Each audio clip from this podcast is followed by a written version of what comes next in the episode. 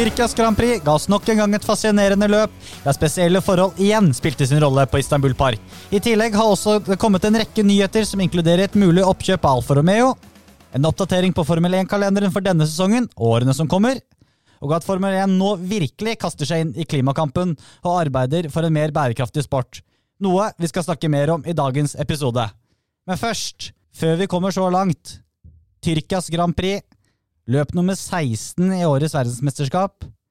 Et løp som kanskje går inn i historiebøkene som et av de mer spesielle grunnet været. Hva tenker dere, gutta, etter en ny helg i Formel 1? Spenningen er der fortsatt. Jevnt eh, mellom Max og Louis fortsatt, og det ser ut til å bli en kamp inn hele veien. Det er jo så intenst, for det er ingen som har råd til å, til å få en DNF. Det er eh, derfor de gjør disse motorbyttene, fordi de har ikke råd til å tape 25 poeng. Når det gjelder løp, ble det kanskje litt spesielt. Man uh, er jo veldig håpefull når det er regn. Men så var det på en måte det som uh, drepte dette Løpet. Ja, ikke regnet, kanskje, men det at det ikke var regn. Men det var bare fuktig. Ja. Så det dannet seg et sånt uh, tørt spor. Og utafor det sporet så var det ikke lett å kjøre. Nei. Det var veldig rart å se. Det var veldig rart å se, og det, det var derfor Louis ikke klarte å klatre så mange plasser. Jeg er sikker på at han hadde klatret mer på enten tørt eller hvis det hadde vært uh, mer regn. Mm. Vi skal komme tilbake til selve løpet, men vi kan starte som vanlig med kvalifiseringen. Louis Hamilton tok jo pole position der. Eh, det beste han kunne håpe på etter å vite at han skal starte ti plasser lenger ned i selve løpet. Eh, han og Mercedes må vel være fornøyd med han og Bottas 1-2. Lenge siden det har skjedd også for Mercedes. Ja, Det var ekstremt viktig bare for Bottas foran Max. Det var egentlig det som ble kampen i kvalifiseringen. fordi Hamilton var jo såpass solid hele helgen at du regnet med han skulle stå først. Og da handlet det om at uh, Bottas måtte slå uh, Max for å liksom gjøre uh, kvalifisering komplett for Mercedes. Da. Det var ekstremt viktig. Bottas foran Max og uh, Louis foran Bottas ja. i kvaliken, sånn at han ikke taper enda ja. en posisjon. Men Bottas ganske nærme Hamilton, da. Han var nærme til tider. Jeg syns uh, han leverte noen ordentlig sterke tider, uh, Louis, underveis, og så veldig sterk ut. Hva ser du helgen sånn med alle treningene og kvalifiseringen, så syns jeg Hamilton var solid, ass. Han hadde han var god fra første trening, egentlig. Uh, hadde alltid tre-fire tiendedeler ned til både Bottas og Max gjennom hele helgen, føler jeg. Hva tenker du om Red Bull, da? Sånn som var et hakk eh, bak Mercedes hele tiden. Max sa han sleit en del med understyring. Jeg tror man nå ser hvor erfaren og moden Max har blitt. da. Han sitter i bilen og han vet han ikke kan trylle. Han eh, Men kommer fortsatt relativt nærme på kvalifisering. Ja, det er altså, det, det, var avstand. Det har vært nærmere i løpet av sesongen, men han er der oppe fortsatt, da. Ja, absolutt. Og jeg tror kanskje dette var den banen hvor Mercedes har vært eh, mest dominerende så langt i år. Mm. Jeg syns den avstanden mellom Red Bull og Mercedes har vi bare sett andre vei, eh, på Østerrike f.eks. Jeg syns jo, sånn så, En ting er jo kvalifiseringen, men også løpet. da. Eh, jeg syns vi ser en Max Verstappen nå som eh, Ja, det er litt av det som trengs da for å ta en VM-tittel sammenlagt. Det er jo det med at eh, han på de svakere banene eller svakere dagene fortsatt avgrenser veldig til poengtap. da. Ja, og en andreplass, det er en seier i dette, i dette løpet også. Ja. Eh, ikke like stor grad som eh, med motorbytte og på Sotsji, men andreplass på en Mercedes-bane ja, men Det virker jo sånn uh, under løpet at uh, Verstappen Ok, jeg er fornøyd med andreplass. Tidligere så hadde han nei, jeg skal vinne, og så kunne det gått uh, skeis, da. Ja, og Så visste han jo også at uh, Hamilton var bak, og så da tenker sånn ja, nå er det viktig at jeg ikke gjør noe dumt. Eh, det er Botta som ligger foran meg, og han vil gjøre livet mitt hardt for å komme forbi. Og da er det bedre å ligge bak der og på en måte kjøre litt safe, da. Og så veit du at det er våt bane, så alt kan jo skje. Så kan jo kjøre ut, og da er jo han i ledelse med en gang. Andre som imponerer i kvalifisering, Charles Leclerc på P4 og Pierre Gasly på P5. I tillegg så får du Mick Schumacher i Q2. Ja, og til og med Sunoda i Q3. Hvor kom det fra? Veldig sterkt av de to rookiene der. Og vi er veldig glade for Mick. Han har jo kommet teknisk sett videre til Q2 en gang før ja. i Frankrike, men det var jo fordi han skapte rødflagget og gikk videre på det. Ja, nå var han rett og slett bare god nok. Han var det, og han utklasser eh, kompisen sin eh, Massepin. Ja. Totalt. Både trening og kvalik. Og Massepin, han, han har noe å finne ut av når det gjelder en kvalik. eh, og dunka ut Ricciardo òg. Ja, og det- var noe som var veldig gøy å se. Det at Science, som skulle starte bakerst uansett, de sendte han ut for Ja. å dunke Ricciardo ut av eh, Og ikke videre til Q2. Mm. Veldig gøy å se mellom eh, de to rivallagene Ferrari og McLaren. Mm. Vi kan ta oss og gå videre til eh, løpet. Walter Bottas starter igjen med en god start. eh, er enda raskere på pedalen enn Max Verstappen og kommer seg fint gjennom første sving. To som ikke gjør det, er eh, Fernando Alonso og Per Gasly. Skjer et sammenstøt der. Hva tenker dere om straffen Gasly får? Jeg synes den er, eh, den er hard, syns jeg. Altså, eh, han kommer inn i svingen og har Peres på øh, venstre, og Alonso kommer på yttersiden. Øh, og han har egentlig ikke noe plass.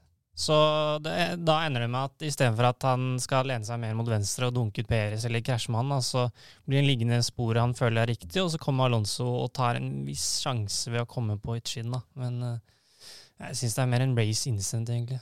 Jeg syns det var ekstremt strengt Ja. at uh, Gasly skulle få en straff der.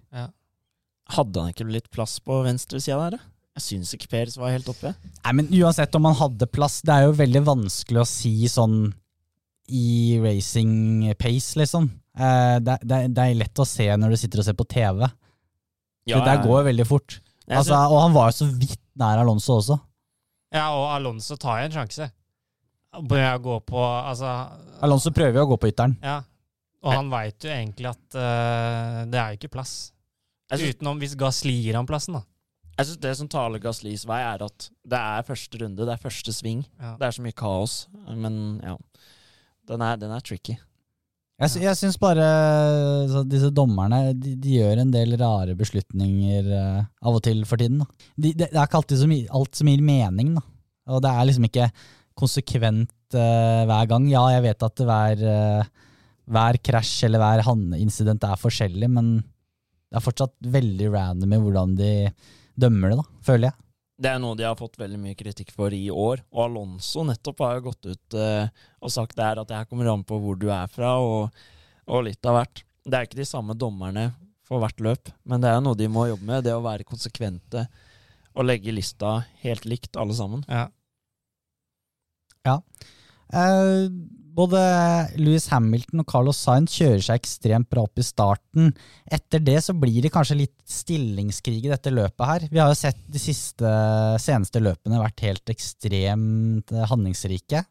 Ikke så mye utover her. Hva tenker du om værforholdene? Det var jo veldig rart, eh, rart å se. Det var liksom verken vått eller tørt eh, til tider. Nei, det største problemet blir jo luftfuktigheten. At uh, den er såpass høy, nå har den 92 eller noe, som gjør at Riktig. Banen tørker ikke opp. Og uansett hvor mange runder de blir liggende uten å kjøre, så blir det ikke noe tørt spor. Og da Uh, er det sjanseløst å gå ut på sliks, f.eks. Og da istedenfor at uh, de går inn, så blir de liggende ute og vente på at det skal tørke opp, og så er det ingen som egentlig tør å ta sjansen på å gå inn og bytte. Så Du så jo Ocon kjørte på sliks, nei, på intermediate hele løpet på ett sett. Det var jo det er veldig uvanlig. han var jo farlig nærme punkteringen der, hvis du så på dekka hans i etterkant. Ja. Jeg, jeg, tenk, jeg tenker det som drepte litt av spenningen for oss fans, da, som vil se masse forbikjøringer, er jo at dette ble et løp hvor de kanskje hadde sett for seg at det skulle bli tørt, Mm. og så ble det aldri det. Og det handler så mye om å bevare dekkene for å kunne bare gå rett fra intermediates til tørt en eller annen gang, og ikke måtte bytte, bruke ett pitstop på å bytte til nye intermediates. Og så ble det aldri tørt, eller ordentlig tørt. Fettel tok jo sjansen på sliks, men det var jo Bambi Ja. på glattisen pluss, pluss, pluss. Eh, Jeg har aldri sett Vettel ha så lite kontroll på en bil. Nei, altså, han, men han kan ta den sjansen, for han blir liggende så bra eller langt bak og har ingenting å tape. Og så tenker han ja, fuck it, vi får heller bare Vi får heller bare ta sjansen på å se om det funker. Og så merker han med en gang at det er ikke sjans, så da må han gå inn og bytte. Men jeg tenker jo, de andre lagene tenkte bare yes, takk skal du ha som prøvde. De så bare at eh, nei, det her trengte vi ikke å gjøre. Her kan vi bare ligge ute og kose oss på disse halvslitte intermediedekkene. Jeg er så overraska og litt skuffa over at det er Fettel som gjør det. Den mest erfarne føreren på hele griden. Som går, det er så ulikt han. Da. Nei, men jeg tenker sånn som Fettel også litt er, da. Hvis han får beskjed fra teamet sitt skal vi prøve på slikt, da tenker han han why not? Ja. Jeg har ikke noe å tape på det. Han er jo litt sånn care når han ikke har noe å tape. Det er sikkert. Eh, Men i tillegg så har han jo alltid veldig mye tanker rundt det. da, og så jo i Ungarn i fjor, så fikk han da fra, fra Ferrari hvor de skulle bytte til soft, tror jeg. Mm. Og da sa han jeg tror ikke medium. Og så ble det medium. Det er litt sånn, Jeg er litt skuffa over at det er akkurat Fettel som gjør det, og ikke en rookie. Men det er jo også rart, da, apropos soft medium, når de først tar på sliks, så tar de på sliks medium, som er vanskelig å få varme Ja, i det var en jo skivebom. softdekkene. Du skulle bare gått på soft med en gang. Det, det er jo Det ga, ga heller ikke mening. Nei. Nei, det er jo sikkert noen tanker bak det som vi Ja, som er eh, Hva skal jeg si Men så var det mye som ikke ga mening når ingen Altså, dekka holdt jo seg altfor lenge. Ja, men altså Hele greia med slicksa er at du må få temperatur i det hvis Mm. det skal funke. Uh, Og det, ja, det er jo vanskeligere med medium. De tenkte kanskje at det var for langt igjen da, til at han kunne gå på soft. Mest Ja. sannsynlig. Men eh, som sagt, det var jo stillingskrig i løpet. Eh, høydepunktet under dette løpet her var vel eh, fighten mellom Peres og Hamilton midtveis. Eh, Peres ga seg ikke helt der. Det var morsomt å se. Ja, han, øh, han kan jo ikke gi seg, vet du. Han er jo nødt til å Han må gi alt, han. Og være maks høyre hånd egentlig resten av sesongen. Altså, der tenker jeg eh, Det er sikkert andre som også tenker det, at Peres tenker ja, vi gir alt her nå. Blir det krasj? Nei, det var synd. Og det er jo på en måte Er du ikke enig? Jo, jo, jo. jo. Og jeg husker ikke hvem av kommentatorene som Da hadde han fått et klapp på skulderen av Helmut Marko og Christian Horner etterpå, liksom bak, på bakrommet og sagt Du, det der var egentlig jævlig bra jobba. Ja. det, det er nesten så Red Bull eh, har til gode å kunne gjøre det, med det Bottas gjorde i, i sving 1 i Ungarn, selv om det ikke var, var med vilje. Nei, men det er aldri med vilje, da. Nei, ikke, ikke sant. Det er ikke sant. Men også er det jo Det ligger jo kort av hva som er jobben til Peres der. Han trengte ikke å få noe beskjed av raceingeniøren. Han veit hva han skal gjøre. Han må bare jobbe som bare rakkeren Ja. for å holde Hamilton bak. Ja. Og det er Det veldig utrolig gøy å se han klarte det, da. Ja, når han går på feil side, blir litt pressa ut, men jeg tror ikke han hadde klart svingen heller i den farta. Men går på andre sida av den pit lane-bøyla. Fortsetter farta gjennom, og nei, det var gøy. Men jeg tror eh, Red Bull eh, sånn totalt sett gjennom helgen er jo strålende happy for at han endelig er med i toppen der. da. At han kan eh, vært, ligge der og hjelpe Max. Eh, han har jo ikke gjort det på en god stund nå, så jeg tror de egentlig sitter igjen med en ganske god følelse sånn totalt sett med to Red Bulls på pallen. Det er, det er der han skal være. Ja. Også på en, en bane som ikke egner seg best til Red Bull, så Og så viser det hvor ekstremt viktig Bottas og Perez blir resten av sesongen. Ah, ja da. Og jeg syns det er gøy. Ok, eh, Red Bull er ikke et lag lenger som har to likestilte førere, og det er litt kjedelig å ikke se to Red Bull-førere i toppen hver gang. Men jeg syns det er gøy at de har Mercedes og Red Bull som har hver sin førstefører, og så er det bare to andre førere. Og de brukes som eh, jokere de når de bruker trengs. Men herregud, det er det som er gøy. Det, det, det er dritgøy. Ja, men Det er det du må forvente når det er Perez og Bottas. Da. Du, er jo, du hadde sjansen fra starten av sesongen, har ikke hengt med, og da må du ta liksom, konsekvensen av det og, og gjøre det best for teamet. Ja, og hadde de gjort det bedre, så hadde de også frarøva eh, det andre laget mer poeng. Ja. Fordi Ja. de hadde fått bedre plasseringer. Vi snakker om Bottas. Jeg personlig har ikke sett han hatt så god kontroll eh, på seieren siden eh, Australia i 2019, var det vel, eller om det var 2018. Eh, Finnen har jo til tider kjørt veldig dårlig, spesielt under vått føre tidligere. Eh, bare se Tyrkia i fjor. Det var helt forferdelig. Ikke sant? Det var vel det dårligste løpet vi har sett av Bottas noen gang. Det virker bare veldig som økt selvtillit nå, lave skuldre for et CT Alfa Romeo som er sikret og alt, gjør at han bare kjører bedre og bedre nå. Er dette noe Mercedes angre på, eller er dette her, eh, Nei, det tror jeg egentlig ikke. Jeg tror de er ganske godt fornøyd med den løsningen jeg har kommet fram til. Og så Det gir mye selvtillit da, når du ikke kjører med press, og du veit hva framtiden bringer. og Han sa jo også etter løpet at det er vel en av de bedre løpene han har kjørt i Formel 1 også.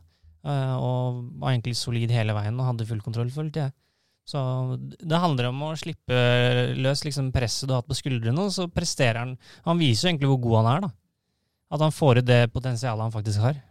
Ja, For Bottas er jo en god fører, Han er det. og han vinner løp i ny og ne. Og det er det han gjør nå. Når Hamilton eh, bytter motor, så gjør han det han skal. Og vinner komfortabelt på en eh, bane hvor Mercedes er sterke på. Så, Ja. ja. Hva tenker du om Louis Lewis Hamilton, da? Uh, hans rage mot teamet under løpet. Det er jo alltid litt hett under disse hjelmene til førerne. Eh, han har gått ut i sosiale medier og sagt at eh, det skal være høyde for å kunne rope ut eh, når man føler at eh, ting ikke er riktig. Det syns jeg er greit. Og det er Mercedes og det er det teamet som har dominert eh, i mange år nå. Da skal det være takhøyde for å ja, ha klare meninger om ting. Og hvis du ikke har de klare meningene, så blir du heller ikke noe bedre. Eller du, du klarer ikke å være det beste laget, da. Og det skal være takhøyde for å tørre å si fra til hverandre, føler jeg. Sånn er jo Mercedes-kulturen. Men apropos det å bli på en måte dømt etter hva du sier underveis i løp, da. Fettel har jo beskrevet dette før, at eh, de burde jo ikke på en måte bli eh, sitert på det, eller kritisert for det. Altså hvis du setter, Han sa at hvis du setter mikrofon på en fotballspiller, da, og så alt som blir sagt i løpet av matchen altså, Det skjer eh, in the heat of the moment, og jeg tenker noen førere da, slipper veldig lett unna med det. Kimi Raikonen, da bare ler vi hver gang han rager i mikrofonen. Når Louis gjør det, så er det en litt annen tone. Og Men jeg føler bare alle skal ha noe med alt Louis sier, da. Ja, Men det er vel sånn det er å være på topp, da. Ja, det er jo sånn det er å bli jakta, eller være den største stjerna. og Det, det er jo, egentlig denne sesongen her, så er det jo stort sett eh, Max og, og Louis som får gjennomgå. Resten som blir sagt av de andre førerne, er det egentlig ingen som får med seg. Men det kan jo også hende at eh, altså Louis, når han var der han var, da, at han var litt misfornøyd med at han ikke hadde kommet så høyere opp. da, Og så ble det bare enda mer dårlig stemning. Jeg personlig, sånn ut ifra mine kalkulasjoner etter å ha sett på TV-en, så var jeg ganske sikker på at han kom til å bli tatt igjen uansett. Om han hadde blitt passert, er jo noe annet, da. Men da var jo faren for både at Gasly og Norris kunne kjørt forbi han stor. Ja, så jeg tror egentlig Mercedes gjør det rette, rette valget, men det er nok mer at eh, Hamilton føler at eh, nå ligger jeg rett bak Max. Og, altså, jeg, han hadde jo ikke kjørt forbi Max. Nei, men det er mer det at eh, nå har jeg bare han foran meg, og for å tape minst mulig poeng, så er ikke jeg villig til å ja, gå inn og bytte dekk når du ikke veit om du får noe effekt av å bytte dem uansett. Og da vil han jo, han vil jo tape minst mulig, ikke sant? Han ser at han ligger foran Men så er det jo igjen, da. Eh, Mercedes vil jo f.eks. se tilbake til Storbritannia når Ja. han punkterte på siste runden. Og det er jo det som var fare når han hadde kjørt hva er det, da, 50 runder på ett et sett inntil dekk. Mm. Det største problemet ble vel egentlig at de venta for lenge da, med å bytte. det er nettopp det. At de ikke tok Altså, de har et forhold hvor de på en måte, de sitter på data og info og gjør sine beregninger. Og så hører de også på førerne, og spesielt en som Louis Hamilton har jo mye å si. Og um, når de da hører på han, han har lyst til å fortsette, og så finner de ut at dette, som dere sier, eh, kan hende at det ikke går veien i det hele tatt. Kan hende han får en punktering. Eller kan hende han taper så mye på de siste rundene. For det gjorde jo Esteban Ocon. Det er mange som sier oi, han, eh, han kjørte hele, hele løpet, bare ett stint. Ja. Men ja, han tapte helt sinnssykt mye på slutten. Altså, han Ja, men det gjorde jo Hamilton også på de siste rundene før han byttet. Ja, Ja, det, er, det er greit at han hadde graining på dekkene de første rundene med de nye, men han tapte jo faktisk eh, sekunder i forhold til Gasly og Norris, så han hadde jo blitt tatt igjen uansett. Ja, og, og tenk da på slutten, ikke sant? Og Verstappen kjørte jo faktisk fra han også uh, for hver runde, så Eller klær òg. Når han først kom ut, så ble han jo kjørt fra. Men jeg tror problemet er jo at uh, Louis får ikke med seg Eller det er vanskelig å sitte i bilen her og ha kontroll på de andre, da. Og da tenker han eh, mer på nå-situasjonen og hvordan han føler situasjonen her, enn enn hvem som kommer bak. Og, og teamet har så mye bedre oversikt, så mye mer data. Og ja, Men samtidig så må de liksom høre litt på føreren òg, for det er han som kjører bilen. det er han som bestemmer. Ja, Og Con han ble vel eh, passert av Lance Stroll, tror jeg det var, i runde 53 eller noe sånt. Jeg tror avstanden mellom de to ble 17 sekunder eller noe jeg, på slutten.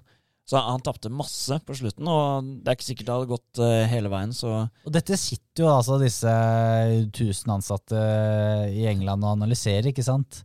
Eh, Så jeg tenker jo ja, greit, det, du bestemmer som sjåfør, og du har eh, Hamilton har mye erfaring, men det er en grunn til at de sier det er hensiktsmessig at du kjører inn. Ja, men Det er fordi de har tall på at eh, du blir sannsynligvis passert. ja, men spoler du tilbake til Sotsji, så var det jo Da kan han jo takke teamet sitt for at han vant løpet. Jo, men ikke sant? Det er jo fordi Ja. Norris hørte ikke på teamet sitt Ja. da. Ja, greit, Mercedes hadde nok bedre informasjon at det regnet, men hadde Norris hørt på teamet sitt, så hadde han sannsynligvis Ja. vunnet. Det der Ja. går opp og ned, føler jeg. Altså, teamet sitter og kan ta gode kalkulasjoner. Det er ikke så lett å gjøre det ute, ute i felten, holdt jeg på å si. da. Nei. Og så det med reaksjonene til Lewis eh, under løpet, og hvordan vi reagerer på det. da. Jeg tenker det har litt med hvordan pers type person du er. da. Louis er jo ganske sympatisk ellers, rolig type. Prater ganske diplomatisk. Kimi Raikon han, han, bare, han er jo litt spesiell, og det liker jo vi, ikke sant. Det, det er litt, eh, Jeg føler det går litt på det også. Ja. Altså Hva slags type du er, ikke bare det at du er best. Jeg synes eh, det er helt greit å reagere under et løp. Det syns jeg alle skal få gjøre, egentlig. Hva tenker dere? Verstappen starta bakerst i Sotsji etter å ha bytta mot hele motorsetupet og kom på andreplass. Eh, Hamilton starter på ellevte og bytta bare motoren, og kommer på Var det femte? Ja. Er det fordel for Stappen igjen nå, plutselig? Jeg føler jeg Hadde det løpet her vært øh, Altså med slicks, så hadde Hamilton vunnet det løpet her. Det er jeg helt sikker på. Den farta han har hatt øh, gjennom hele helgen. Eh, og så tror jeg altså Bottas i mye større grad hadde dratt fra Max på tørt føre. For Hvis du så race-basen i løpet av treningene, så var de ganske langt foran blant annet Red Bull. da. Og på, over tid på en bane Jo, som men på treningene test, drev jo Red Bull og testa litt ut, da. jo, jo, men på en bane som Tyrkia, hvor det er faktisk er mulig å komme seg forbi, da, så tror jeg eh, når du har en bil som er så og så mye raskere, så det, gir det mye større utslag når banen er tørr. Ja. Altså Det er jo umulig å vite, men eh, jeg tipper jo Bottas burde jo ha vunnet. Med P1 og Lewis på P11. Ja, ja, men jo, jo, men fall- eh, hvis eh, Hamilton hadde kommet opp på P2, så hadde jo Hamilton fått seieren. Det hadde han, og det hadde vært, eh, det hadde vært spennende å se. Jo, men Bottas hadde gjort det nå, det er jeg ganske sikker på. Hadde ikke på. hatt noe valg. Nei. Nei, han må jo det. Men eh, sammendrag, Jakob. Du har vel kanskje det foran deg? Nå har vel Max Verstappen tatt over dette her igjen? Det har han, og han leder nå med en sekspoengs ledelse over Louis Hamilton. Walter Bottas tatt et eh, bra grep på tredjeplassen med 177 poeng. Eh, Landon Norris 145 poeng, Sergio Perez 135. De to Ferrari-førerne på sjette og sjuende, hvor Science har et halvt poeng mer enn eh, Leclerc, så der, eh, der er de jevngode. I eh, konstruktørmesterskapet så har fortsatt Mercedes ledelsen med 433 og et halvt poeng. Red Bull så klart på andreplass med 397 og et halvt. McLaren 240. Ferrari på fjerdeplass med 232 og et halvt poeng. Og alpin eh, femteplass med 104 poeng. Alfa Tauri 92 poeng. På syvendeplass har vi Aston Martin med 61 poeng. Åttendeplass Williams 23 poeng. Det er jo helt utrolig. Men jeg må, jo- si sånn Det ser jo sånn som nå også når Bottas er så sterk, at den førsteplassen i konstruktør går nok til Mercedes. Det ser jo sånn ut, Ja. gjør det ikke det? Det er jo tredjeplassen som er interessant, er det ikke det? Jo. Skal vi ta oss og gå videre til vår egen power ranking? Der gir vi jo som sagt, ut, eh, som sagt tidligere ut stjerner til eh, beste førerprestasjon gjennom løpet, helgen. Hva tenker dere, boys? Hvem er det som fortjener tre stjerner eh, for beste førerprestasjon denne helgen? Nå er jeg spent. Jeg har satt en fører som vi faktisk Jeg vet ikke om Har vi prata om han eh, til nå? Carlos Sainz, stjerna i hele løpet. Jeg vet at eh, Ja, jeg, jeg, jeg syns de eh, med et eh, taktisk motorbytte og de forbikjøringene han viste, helt rått. Litt uh, skittent mot Fettel, kanskje, men uh, jeg likte å se det. Jeg syns Sainz kjørte kjempebra, men jeg har ikke han på tre stjerner. Der har jeg faktisk Walter Bottas. Oi. Ja. Nei, jeg er også Carlos Sainz. Men uh, du kan jo begrunne hvorfor Bottas skal ha tre, da. Nei, han er jo altså, Han er ganske nærme Hamilton i kvalifisering. Eh, og han kjører et helt eh, eksepsjonelt bra løp. Full kontroll, pusher fra Verstappen. Han gjør det han skal, og han vinner. Ja. Eh, han gjør ikke noe feil. Han er god i starten. Eh, helt eh, kjempebra, Carlos Sainz, men han skal også kjøre forbi bak der. Eh, ja, det burde også Daniel Ricardo gjort, men det virket som om den bilen til Sainz var veldig satt opp for de forholdene som var også. Eh, han hadde mye bedre grep eh, enn de fleste fører bak han. Eh, så jeg vil gi den til Walter Bottas. Jeg syns han fortjener det, når eh, han faktisk leverer så bra som han gjør. da. Vi har ikke gitt så mye stjerner til han heller. Den er beinhard, ass. Altså, så god var ikke Sainz. Ja, var Han er veldig bra. Han, han er veldig bra, men han s- kjører forbi biler som han skal kjøre forbi. Ja, men, eh, ja, men sammenlign det med Ricardo. Hva er det han driver med? Jo, men det er fortsatt ikke tre stjerner bra. Nei, er det ikke det? Nei. Jeg må si jeg vurderte veldig sterkt mellom Bottas si og Science på tre og to stjerner. Og Bottas er jo en Mercedes. Jeg tror ikke han hadde vunnet, hadde Louis vært med. Eller han, han, han hadde ikke det. Men eh, Nei, men nå var, han, meg- nå var han ikke det, da. Og da hadde han presset på seg at ok, nå må du ta den for at Max Verstappen ikke skal pushe. Ok, men La oss ta det sånn, da. Ok, eh, Hvor mange ganger har ikke Bottas starta der Sainz har starta? Og har ikke vært i nærheten. Altså, Han kommer seg ofte opp på 15., 13. Altså, han, jo, det er greit, det, da, men Sainz klatrer han, hadde, hvilken plass var det Sainz kom på igjen? åttende? Ja, jeg, ikke føler, vært jeg for- føler ikke at en åttendeplass fortjener tre stjerner. hadde det ikke vært for uh, det dårlige pitstoppet til Ferrari, så hadde han havna foran Norris. Jo, det er greit. Men eh, det er, det er greit at det er to stjerner, men ikke tre. Syns jeg, da. Hvor, um, hva hadde du på to? jeg hadde Bottas. Ja, jeg har også Bottas med to. Jeg, had, jeg har faktisk Sainz på én stjerne, egentlig. Én! Ja. Én stjerne! Mm. Han skal i hvert fall ha to. ja, men da må Bottas ha tre. Ah, jeg syns det er beinhardt å gi Altså, tre st- Du starter i pole. Og han gjør det han skal. Han kjører kjempebra. Han fortjener det nå. Tre stjerner. Tre eh, stjerner, ja. Ja, det syns jeg er hissig, ass. Ja, hvor mange skal, skal Science få to, da? Han må i hvert fall ha to. Ja, det er greit. Han kan få to. Forhandle litt. Ja. Jeg synes Altså- det er beinhardt, ass. Jeg, jeg var veldig usikker da jeg tok valget mitt. Ja, men jeg var Eh, veldig sikker. Jeg er fortsatt litt på Science, Ja. egentlig. Jeg var veldig sikker. Jeg satte opp Bottas med en gang på tre. Så har jeg egentlig en annen på to stjerner. Eh, men jeg kan bli med på å få Science på to stjerner. Det er greit. men men sånn som Louis, da. Ja. Louis vant løpet sist. Mm. Vi ga han ikke én stjerne. Ikke, ikke én stjerne. Nei, men det det er en større prestasjon det Bottas gjorde nå, enn at Louis bare vinner, for han er så god. Men, men, men er det ikke, er det ikke, liksom. er det ikke større prestasjon å kjøre seg opp fra sisteplass til åttendeplass enn å ligge i tet, kontrollere løpet? Eh, Ok, Og- greit. greit, deretter, det er greit. altså- Dere tok meg der. Dere skal ja, få jeg den. syns den er klar. Ok, det er greit. Det blir tre stjerner til. Jeg, jeg- Husk at Men- Ferrari de, de fortjener litt eh, ekstra stjerner. det var, det var et godt, det, Der hadde du et godt poeng, Ja. egentlig. Men to til uh, Valtteri, da. Valtteri for to, da. Så Sainz tre, Valtteri to. På to stjerner så hadde jeg egentlig Pierre Gasly. Oi, Men da må han ha én stjerne, da. jeg må det.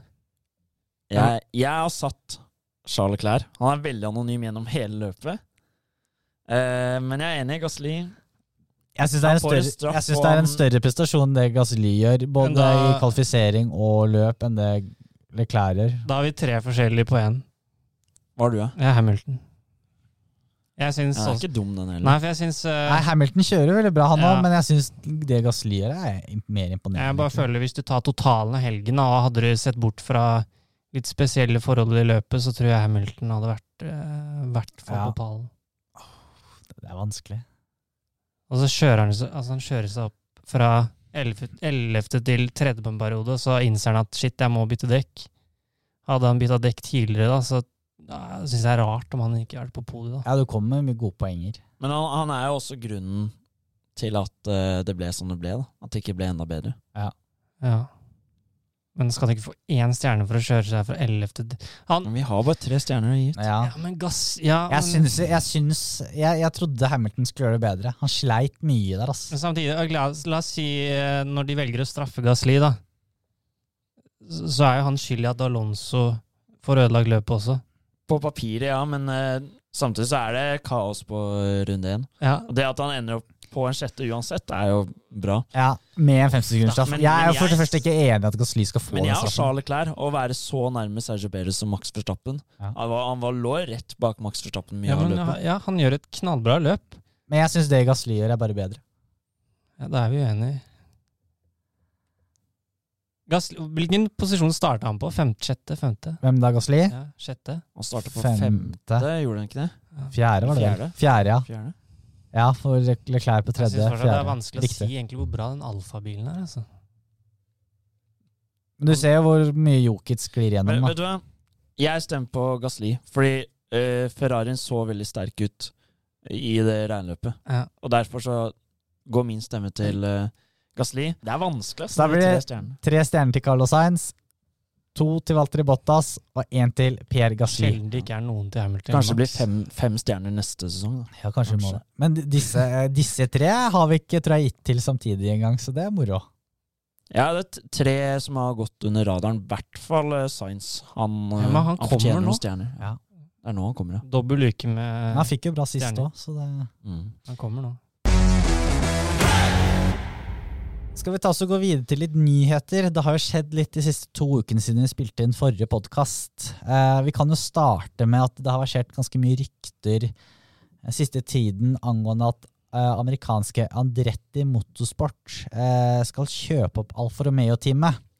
Med de ryktene så kommer det da også at eh, Colton Herta fra Indycar skal da ta det siste setet i eh, Alfa Romeo.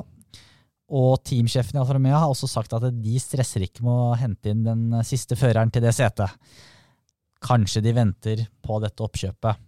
Noen sier at uh, dette oppkjøpet kanskje går i orden, sånn at dette kan presenteres i USA, som da er hjemmebanen til Andretti Motorsport. Mm. Hva tenker dere? Jeg synes det Er det ikke litt eh, jeg, Det jeg føler, er at uh, Alfa Romeo egentlig ikke vet hvem de vil velge. For at Ja, men se, da. Når det var så lenge snakk om han så fra At han skulle ta plassen. Mm. At han skulle få Han har jo masse penger. Og så kommer plutselig det ryktet om uh, Andretti, da. Uh, Kan hende de har føringer da, på at ok, vi vil ha inn en mann eventuelt hvis vi skal komme inn, og at de derfor venter det. ja, det tror jeg òg. Og så tror jeg grunnen til at så, så kanskje faller litt ut nå, er at han mest sannsynlig bare får en ettårskontrakt. Og hvis du får inn uh, Hurta, som da har masse penger, amerikansk eh, Jeg er ganske sikker på at eh, amerikanerne ville ha en Formel 1-fører med tanke på hvor ja, Formel 1 er jo bare større og større større. Ja, men hva tenker dere da? Rett fra IndyCar til eh, Formel 1? Er Vi har, ofte, vi har ofte sett motsatt, at mange går fra Formel 1 til IndyCar. Ja, for De siste årene så har det jo vært på en måte sånn at du må gå gjennom Formel 3 og Formel 2 for å komme til Formel 1. Jeg syns det er litt spennende nå at det blir litt at man kan gå litt andre veier også, sånn som man kunne før. Så Du ser jo, du ser jo også at eh, de førerne i Formel 1 som kommer til IndyCar Nå er det ofte ikke de beste førerne i Formel 1 som drar til IndyCar, da, men de sliter jo med å parkere seg der eh, veldig ofte. Da. Så det tyder på at nivået i IndyCar er greit. da. nivået er nok høyt, men så Grasja har han én seier Ja. i år. Og Og Eriksson sliter jo litt, men han gjør det greit. Det ikke Jeg vet, jeg vet ikke, men om det er vanskeligere å gå fra Formel 1 til IndyCar Altså, det er jo en helt annen serie, da, selv om amerikanerne sammenligner det som deres Formel 1. Så er det noe helt annet. Men uh, det blir gøy å se da, om det kan bære noen frukter. Spørsmålet er Det blir litt bingo, da. Hvis du skal hente en fra en annen serie, ikke har noen garanti for at han skal levere, er Men hva har det å si for Alfa Romeo? Nei, men det er jo greit å um, Altså at du har en god fører som kan uh, pushe Bottas òg, da. At du har en som kanskje Altså, det er greit Altså, jeg føler det er mer viktig å ha en med i hvert fall erfaring fra formelbiler, da. Enn at det skal komme en helt ny som ikke har noe erfaring. Kunne ikke, altså, Nesten bedre at han hadde vært en form for testfører, selv om det kommer ikke til å være aktuelt for Andretti, men nesten bedre steg, da. Du kan jo sammenligne det litt med å ta inn en som ikke kanskje er den beste i Formel 2, men han sitter med penga. Ja. Men, men eh, det, det er et litt usikkert kort, da. Men om det vil gi en ny, en bedre framtid for Alfa Romeo, mer uh, spenn i kassa, så er det vel verdt det. ja. Det er spennende uansett. Jeg Det er jo det er en politisk maktkamp, det der, da. Ja, Absolutt. det er, jo, det er jo bare det det handler om. Kina mot am amerikanerne. Ja. Jeg synes uansett så trenger Formel 1 en amerikaner. Det syns jeg. Vi kan ta, la oss gå videre til neste nyhet. Eh, Liberty Media slapp eh, hvem som stepper inn eh, i løp nummer 20 denne sesongen. Det var eh, Qatar og Losai International Circuit. Mitt første eh, inntrykk av den banen ut ifra de bildene jeg så, var dette var en sånn light-bane av den i Bahrain.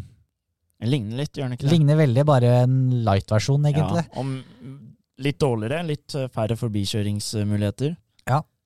Eh, med dette her også, så annonserte også Liberty Media at eh, de har signert en tiårskontrakt med Qatar, som starter i 2023. Eh, sannsynligvis da en ny bane, kanskje en gatebane i Doha, litt, litt som i Saudi-Arabia. Hva tenker dere? Det har vært veldig mye diskusjoner eh, siste årene, egentlig, om store konsern som setter idrettsarrangementer til Qatar, med brudd på menneskerettigheter osv. Ja, vi, vi, altså Jeg så litt på det kommentarfeltet da de annonserte nyheten, og det er jo Det er ikke mye positive reaksjoner. Men uh, det, det her er jo en evig diskusjon, da, hvor eh, Liberty Media sikkert uh, mener at de kan påvirke bra nedi de landene. Men, men jeg tenker jo, én ting er jo Hva skal jeg si? En ting er jo menneskerettigheter og det der, det har man jo snakket om eh, i lang tid allerede. Det andre jeg tenker på, er liksom De som møter opp på disse løpene i disse stedene, er eh, kjendiser og rike menn i hvite kjoler. Det er litt synd, fordi vi har nok av løp, eh, føler jeg, på kalenderen som ikke Hvor banen ikke akkurat er top notch. Og så Det kan jo hende de lager en helt rå bane. Det kan du for alt du vet. Eh, Det er alltid gøy å kjøre i Bahrain, men eh, Money speaks, da. money talks. Så ser du, med, altså, med tanke på fjoråret hvor Liberty Media Altså, de som arrangerte løp, da ikke måtte betale en sånn hosting-fee. Altså, de er avhengig av penger, ikke sant? De må Jo, ha penger inn. men at de kjørte løp eh, på veldig mye forskjellige steder i fjor, var greit, tenker jeg, da, fordi da fikk de bare en sesong i gang. Men eh, nå kan de faktisk velge og vrake, vil jeg Ja, men tro. da kan du også tenke på mye f.eks. Liberty Media casha ut i fjor, da. Eh, og Jo, men skal du bare tenke penger? Jeg vet at det er i business, da, men ta et eksempel Kimmering da i Finland, som de har snakket om at de kunne kjørt et løp på. Nå vet jeg ikke om de har kommet med noe offisielt bud, men uh, har, Ja, for den har Fia Grade 1. ja, jeg tror det. Eller at den kan veldig enkelt gjøres til det. Jeg tror den trenger litt Etter det jeg har hørt, tror jeg den trenger litt jobb for å kjøre Ja. Formel 1 på. Men det skal jo være MotoGP der, da. Ja, Men, Men men trenger altså, du ikke det fra MotoGP? Det er mulig.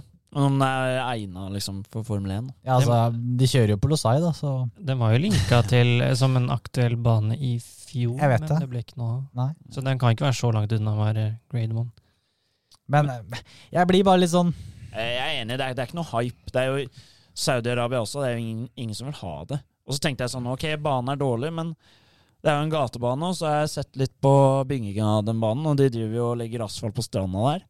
Så da tenker jeg, da, da kunne de gjort litt mer med svingene. da. Så jeg tenkte, ok, da har de ikke, noe, da har de ikke funnet noe bedre gater, men de driver bygger, legger asfalt på stranda, så er det sånn eh, Det er ingen Ja, som men du vil har jo sett, du har sett, du har sett gatebaner i land som ikke er helt demokratiske, sånn som eksempel Aserbajdsjan, ja. som har Mm. funket veldig bra. Eh, som er nesten det morsomste løpet for sesongen. Men så har du f.eks. Abu Dhabi, da, som har vært med nå siden 2009-2010. Det har ikke funka bra, så Nå skal det gjøres om dette året Ja, her, da, så det nei, blir jeg spennende å se hvordan det funker med den nye eh, banen. jeg er skeptisk, altså. Jeg har ikke troa på den banen. i det Nei, altså Det er jo et land vi ikke liker, og banen er ikke noe bra. Jeg, jeg ser ikke noe fordel ved det for, for en fan. da. I tillegg så må de mekanikerne De sliter jo ræva også, med 22 løp i året. Og så kan du jo se med tanke på altså, De er jo så opptatt av at Formel 1 skal være globalt. da. For eksempel har du ja, Afrika har jo ingen Ja, Vi har jo det snakket om at det skal veldig lite til at det er en bane i Sør-Afrika Ja, som kan ved brukes. Cape Town. Ja, for den har jeg eh, brukt eh, tidligere. Ja, som de kunne kjørt på. Så hadde liksom ikke det vært bedre da, enn at du skal ha så mange løp i det Ja, men de samme tenker, området. de tenker bare, Liberty Mina tenker bare penger. Og det Ja. er, ja, de har tatt mye penger nå, så jeg skjønner jo på en måte at de gjør det, men eh, Du kan jo sammenligne for, altså Formel 1 med altså for eksempel fotball. Da. De, de største sjeikene, det er de som kjøper opp de største Ja. klubbene. ikke sant? Da handler det om penger. Men når, når vi snakker om Qatar, så har det også kommet rykter at eh, 2022-sesongen skal avsluttes allerede tidlig oktober-november-skiftet, fordi VM i Qatar skal spilles i november-desember. Eh, det skal da være 23 løp neste sesong, så det vil si da egentlig fra midten av mars. Midten av mars til midten av november, har jeg hørt. Ja, det er eh, trangt. Og plassen med løp da? Men er Qatar på kalenderen for neste år? Eller Ikke neste år. De utsatte det, Ja, var det det er 2023 Ja, de skal komme frem. Like greit, kanskje. Så dette har jo han eh, godeste eh, Stefano, Formel 1-sjefen, han har pratet med Sky Sports, sagt at de sikter på 23 løp, som vil være rekord. Og da syv til åtte helger med sprintkvalifisering han er veldig på dette, at Formel 1 må ikke dø ut. Vi må ikke bare følge de gamle tradisjonene. Og de skal ha flere sprintløp. Det blir veldig spennende å se om det funker på flere baner. Vi får et på Brasil nå, trolig, snart. Ja. Bernie Eccleston har gått ut og sagt at det er rovdrift på En ting er førere, men spesielt teamene.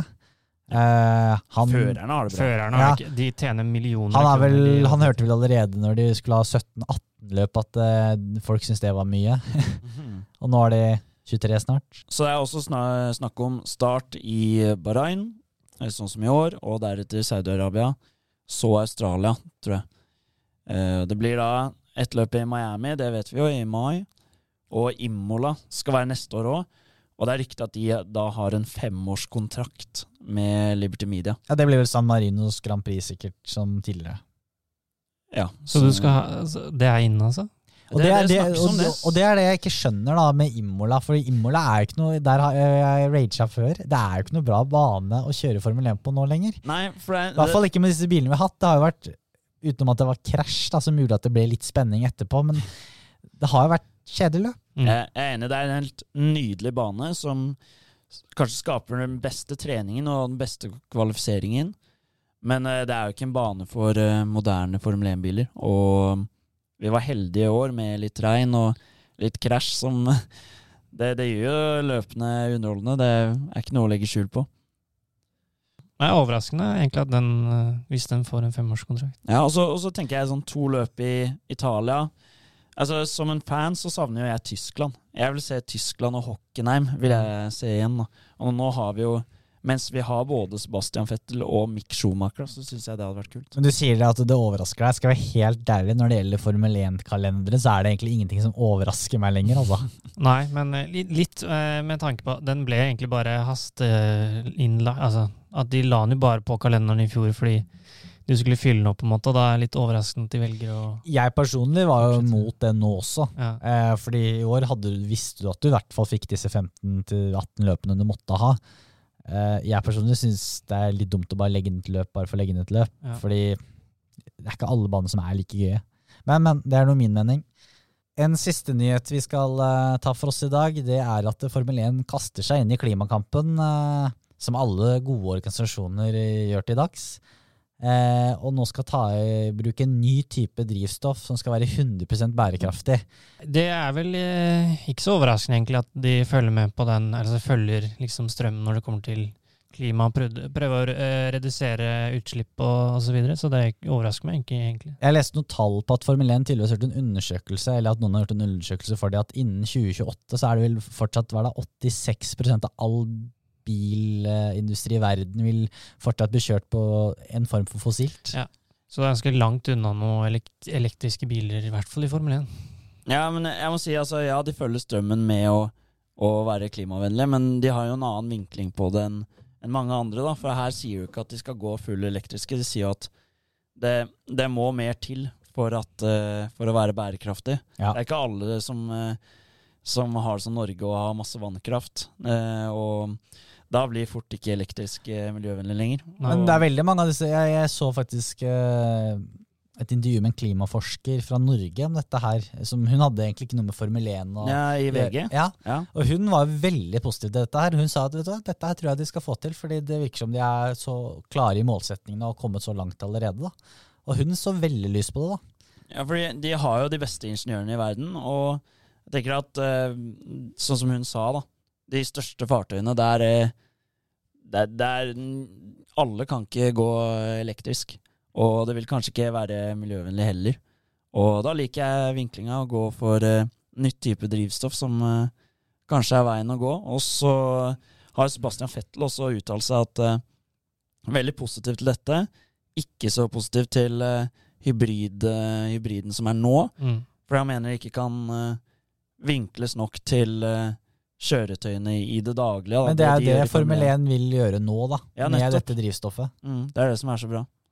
Så nei, jeg syns det er spennende, så får vi se. Det er kudos til uh, Liberty Media Formel 1 Group der. Ja. Det er bra. Det er, jeg tror det er bedre det uh, for alle. Uh, og det er jo mange som er veldig skeptiske til at de skal gå elektrisk, i hvert fall Formel 1-motorene. Mm. Så da, da, beholder vi, da beholder vi lyden, Ja, men de vil jo bevare sportens integritet. ikke sant? Skal vi ta oss og gå videre til ris og ros?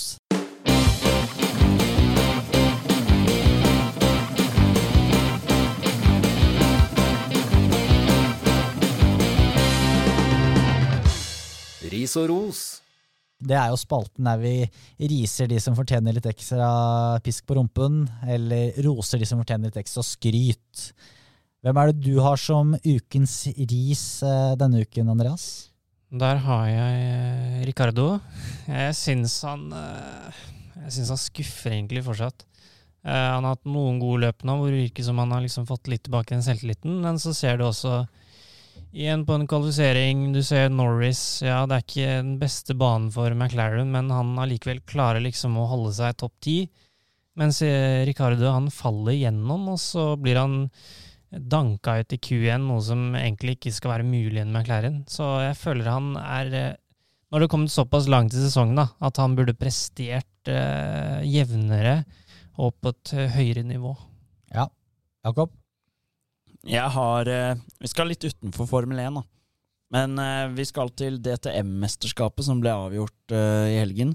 William Lawson kjører, Formel 2-føreren, som var eh, eh, lagkompis med Dennis Hauger i Formel 3 i fjor.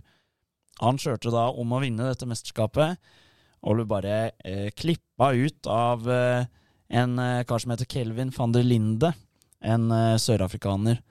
Og da endte på andreplass i dette mesterskapet fordi, på grunn av denne idioten. Da. Så Lawson han kalte seg Han sa at han, denne van der Linde var den mest skitne føreren han hadde kjørt mot. Så eh, litt av Riestland. Nei, Min er til Liberty Media for å signere en tirskontrakt med Qatar. Vi nevnte det i nyhetssegmentet, men eh, det er å sette et løp der det er kun kjendiser, ikke mine hvite kjoler, stiller. Det er eh, money talks, så det er eh, Det er dårlig for eh, sporten, syns jeg. Så hva tenker dere? Hvem fortjener i risen i dag? Jeg syns eh, du var inne på noe på slutten her, så jeg syns egentlig den er veldig fortjent. Jeg er enig, den er vel mest uh, aktuell og mest utslagsgivende. Så, Ja. ja. Skal jeg bare fyre løs med rosen min også, kanskje? Ja, sure. Det er til eh, Matteo Benotto, som bringer lykke ved å alltid bli hjemme. Så Ferrari gjør det alltid så bra når han ikke er til stede. Ja, ikke sant? Så det er litt samme som når Bottas nå liksom har fått senka skuldrene. Når Benotto er borte fra Ferrari, da senker alle boysa skuldrene. Da går det mye bedre. Det er jo snakk om at han skal være borte flere helger i løpet av året. Ja, er det kanskje fordi de har sett at det går bra? Jeg tror det er derfor. Så bare si ja, du Benotto, bare, bare jobb med den 2022-bilen, du. Ja. Hvor lenge kan han overleve som teamsjef? Jeg skjønner ikke det. altså. Det er på tide å tre til side. Ja, men det går, det er, Han ble ikke sparka når det gikk så dårlig i fjor, så det, det går jo oppover nå. Ja. Jeg syns det er på tide å bytte den ut. Få den ut. Det beste var jo han uh, raceingeniøren til Leclerc som sa at eh, ja, bare å beholde Bottas bak deg, så, Så får vinner du. P1. Da bare, ja. Eh, Min ros er eh, til Alfa Romeo for å eh, klare å rote til denne drikken til Kimi Raikonen. Husker ikke om det, det var trening, eller trening tre, var det det? Ja, det var noe sånt. Ja. Jeg husker ikke hvilken trening det var. Ja. Men det, det er jo en lang saga, dette med Kimi Raikon og The Drink. Så det skaffer mye morsomme radiomeldinger. Så de må, de må fortsette å drive og fucke opp det der. For det, det, det er underholdende, må jeg si. Det er jo utrolig at de klarer å aldri få styr på det. da. Det er vel det enkleste i en Formel 1-bil, sånn teknisk. Og så er det det som. Ja. Ja. Så er det uansett om man er i Alfa Romeo eller Ferrari, så er det rot med den drikken. Ikke sant. Andreas? Min ros eh, går til eh, Ferrari. eh, mye på grunn av at jeg føler de har jo kommet et steg nå med tanke på utvikling av neste, neste års bil, og har jo allerede kommet med en oppgradering på motoren som ser ut til å fungere ganske bra. Så jeg føler at ja, de er på rett vei i forhold til der de burde høre hjemme. og At det virker som at de har tatt et godt steg mot neste års bil. Og det viser jo egentlig både Science og Leclerc sine prestasjoner i to siste løpene. Jeg kan godt gi rosen til Ferrari for min del. Altså, det, Det er jo et lag som eh, altså Det er egentlig helt sykt, men det er jo et lag som skal være i toppen. Så de har jo underprestert noe altfor lenge. Ja, det er det. Er det noe ros i det hele tatt? Nei, du, du, du, enten så kan du velge å rose dem altså de, de kunne fått ris om med tanke på hvordan de har prestert de siste årene, men det er jo Ferrari, da. Det er jo det er jo to Ferrari-roser her, da. Ja, vi har kanskje det. Nei, altså, jeg stemmer for uh, Andreas sin ros. Det er de som nå De har klar forbedring egentlig fra løp til løp har hatt, så det, det er, ser lysere ut. Og så mener jeg, når McLaren har en dobbeltseier, men Ferrari er 7,5-8 poeng bak, det sier vel egentlig ganske mye, føler jeg. Ja. Hvordan er det mulig? Nei, Det er jo det Andreas eh, Seidel har sagt, at eh, McLaren må opp i ringa og være der alle løp. Det er det som er målet. Ja. Så ja, vi, vi kan godt gi den til eh, Ferrari. Litt åpenbar eh, ros, kanskje, men det Vi kan godt eh, gjøre det. Ja. Til Ferrari og litt Binotto. Da. Det har en sammenheng, det òg, kanskje. Binotto er- får bare bli hjemme fra nå, altså. Ja, hjemme og spise carbonara. Ja, så blir det tredjeplass i sammendraget til slutt i konstruktør også, tenker jeg. Jeg- Jeg syns faktisk de ligger an til å bli ja, favoritten til å bli nummer tre. I hvert fall hvis Ricardo fortsetter som han gjør. Ja, han må opp i ringa, ja. Åtte poeng nå, det er Ja. ingenting. Lando Eh, Bæ, han, Han bærer laget. ja, han knekker snart ryggen, tror jeg. Før vi tar også avslutter dagens episode, tenkte jeg vi kan bare ta kjapt innom eh, neste løp. Det er om to uker i Austin på Circuit of the Americas. Da skal vi over there.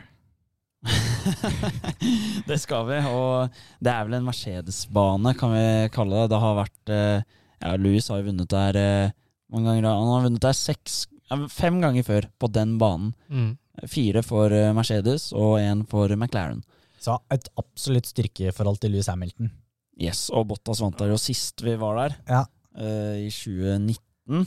Og så året før der var vel Kimi Räikkönen Ferrari, så det er tydeligvis en bane man trenger bra med pace på. Ja, så tenker jeg, Du så det litt på intervjuet med Max etter løpet, at han er i ferd med å innse litt at Mercedes er i ferd med å få lite overtak med tanke på fart. Så jeg tror eh, det blir viktig for eh, han å gjøre maks ut av den helgen, når det kanskje kommer baner litt senere som passer Red Bull bedre. Ja, for vi har jo Mexico etter det, som kan bli veldig spennende. Mm. Brasil.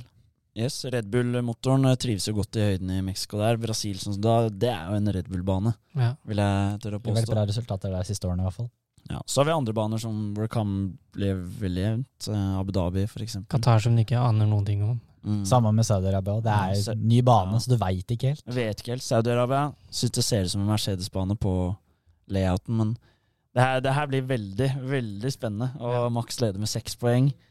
Det er eh, jeg, jeg er så thrilled på den der eh, duellen her at eh, ja. Absolutt. Men før det så er det Circuit of the Americas om to uker. Så er vi, vi tilbake med en eh, podkast eh, rett etter det, uken etter det. Yes. Eh, inntil da så snakkes vi. Ha det bra. Ha det bra. Ha det bra.